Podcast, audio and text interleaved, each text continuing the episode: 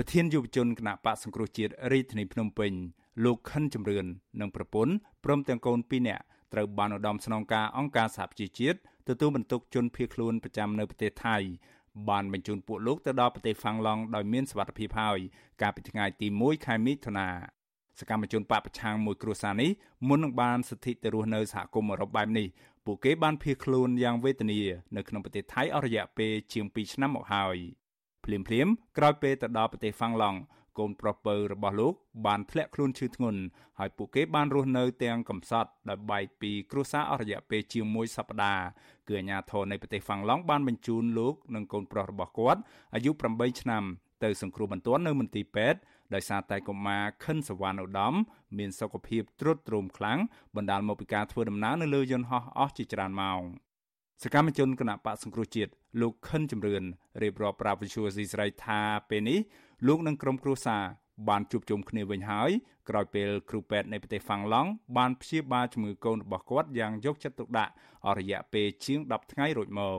បរិះសម្បុរស្រអែមមៀតក្រអាញរូបនេះបន្តថាអាញាធរប្រទេសហ្វាំងឡង់បានយកចិត្តទុកដាក់យ៉ាងខ្លាំងដល់គ្រួសាររបស់គាត់ព្រមទាំងផ្ដល់ផ្ទះមួយខ្នងមានពីរបន្ទប់ឲ្យពួកលោកស្នាក់នៅដោយឥតគិតថ្លៃទៀតផង បន្ថែមពីនេះអាញាធរនៃប្រទេសមួយនេះធានាចិញ្ចឹមគ្រួសាររបស់លោករយៈពេល4ឆ្នាំហើយបានចុះឈ្មោះធ្វើអត្តសញ្ញាណប័ណ្ណឲ្យពួកលោកទាំងអស់គ្នារួចហើយបរិះវ័យ39ឆ្នាំរូបនេះបញ្ជាក់ទៀតថាអត្តសញ្ញាណប័ណ្ណនេះអាចធ្វើដំណើរចេញចូលជាង20ប្រទេសនៅក្នុងសហគមន៍អឺរ៉ុបបានដោយសេរីដែលមិនចាំបាច់មានលិខិតឆ្លងដែននោះទេ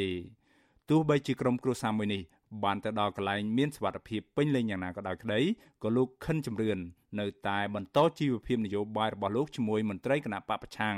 ដើម្បីចូលរួមទាមទាររបបក្រុងភ្នំពេញស្ដារលទ្ធិប្រជាធិបតេយ្យឲ្យរស់ឡើងវិញ។ ប្រៀបធៀបទៅប្រទេសខ្លួនឯងនិងប្រទេសនេះគឺខុសគ្នាឆ្ងាយណាស់ពីលំនៅស្នាក់នៅហ្នឹងគឺគេមានក្រិតក្រមហើយទីក្រុងគេហ្នឹងដូចនៅក្នុងព្រៃអញ្ចឹងគឺមុខផ្ទះគេក៏មានស្មៅក៏មានព្រៃដែលមានផ្កាជុំវិញសងខាងម្ដងផ្លូវគឺស្ងាត់ទៅសភាពគេថាវាមើលទៅគួរចង់រស់នៅតែម្ដងបាទទោះបីខ្ញុំទៅដល់ទីណាក៏ដោយគឺខ្ញុំនៅតែស្រឡាញ់ជាតិស្រឡាញ់ពលរដ្ឋរបស់ខ្ញុំខ្ញុំមិនអាចបោះបង់ចោលបានទេព្រោះយើងមើលឃើញថាប្រទេសជាតិយើងពឹងនៅលើយើងខាងក្រៅខាងក្រៅហ្នឹងហើយជួយជ្រោមជ្រែងទៅអ្នកខាងក្នុងព្រោះអ្នកខាងក្នុងត្រូវបានគេបិទសិទ្ធត្រូវបានគេវាយត្រូវបានគេធ្វើបាបត្រូវបានគេចាប់កាត់គុកគ្រួសារនេះបាននាំគ្នារត់ចេញពីប្រទេសកម្ពុជាហើយបានភៀសខ្លួនយ៉ាងវេទនាទៅរស់នៅទីក្រុងបាងកកប្រទេសថៃអស់រយៈពេលជាង2ឆ្នាំដោយសាររបបក្រុងភ្នំពេញបានធ្វើទុកបុកម្នេញដល់ពួកគាត់អំឡុងពេលស្នាក់នៅនៅប្រទេសថៃ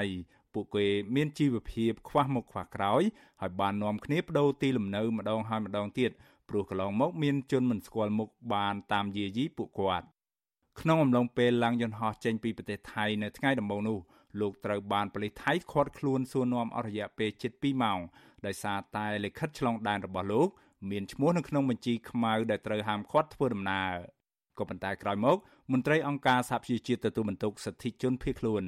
បានជួយសម្រួលឲ្យលោករួចផុតពីការចាប់ខ្លួនហើយបានបន្តដំណើរទៅប្រទេសហ្វាំងឡង់តែម្ដង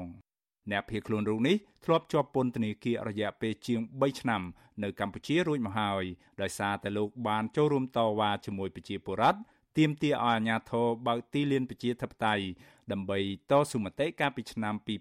2014នៅពេលភៀសខ្លួននៅប្រទេសថៃលោកខិនជំរឿនបានបង្ហោះសារតាមបណ្ដាញសង្គមរិះគន់របបក្រុងភ្នំពេញជាបន្តបន្ទាប់ ហើយបច្ចុប្បន្នបើទោះបីជាលោកបានទៅដល់ប្រទេសទី3ហើយក៏ដោយក្តីក៏លោកនៅតែបង្ហោះសារសម្ដែងមតិទាមទាររបបលោកហ៊ុនសែនងាកមកដើរតាមគន្លងប្រជាធិបតេយ្យឡើងវិញប្រពន្ធលោកខិនជំរឿនគឺលោកស្រីលេងកល្យានថ្លែងថាលោកស្រីគាំទ្រចំពោះសកម្មភាពប្តីរបស់គាត់ដែលបន្តជីវភាពនយោបាយជាមួយមន្ត្រីបពប្រឆាំងតទៅមុខទៀត ស្ត្រីវ័យ40ឆ្នាំរូបនេះយល់ថាសកម្មភាពប្តីរបស់គាត់ធ្វើការសប្តាហ៍នេះគឺដើម្បីប្រយោជន៍រួមនៅក្នុងសង្គមព្រោះបានចូលរួមប្រឆាំងនឹងរបបឯកបកដែលបានចាប់ចងមនុស្សដាក់ពន្ធនាគារតាមអំពើចិត្តទោះបីគាត់មិននៅគាត់ទៅខ្មែរវិញខ្ញុំក៏នៅជួយមើលថែរក្សាកូនដើម្បីឲ្យកូនមានចំណេះចេះដឹងហើយ ឲ្យគាត់រៀនពូកែហើយកូនខ្ញុំឈឺនេះមើលថែគាត់ឲ្យគាត់ធូរគាត់លឺគេថាអាចចេះដើរយើងធ្វើថែគាត់ចេះដើរបានគាត់សោកស្ដាយព្រោះដើម្បីប្រទេសជាតិអត់ខឹងគាត់ទេដើម្បីជាតិយើងត្រូវតាមគាត់បងព្រោះយើងជាប្តីប្រពន្ធនៃណាមួយយើងឃើញជាពលរដ្ឋទឹកភ្នែកយំរាល់ថ្ងៃយើងពិបាកណាស់បងតាក់ទងនឹងបញ្ហានេះអ្នកនាំពាក្យគណៈបកកណ្ដាលអំណាចលោកសុកអេសាន ប្រាប់វិសុវអេស៊ីស្រីថាសកម្មភាពដែលសកម្មជនគណៈបកប្រឆាំងធ្វើនេះគ្មានប្រយោជន៍អ្វីដល់សង្គមនោះទេព្រោះលោកថាការដែលសកម្មជនបកប្រឆាំងតស៊ូនៅក្រៅប្រទេសនោះគឺជាការទាមទារខ្យល់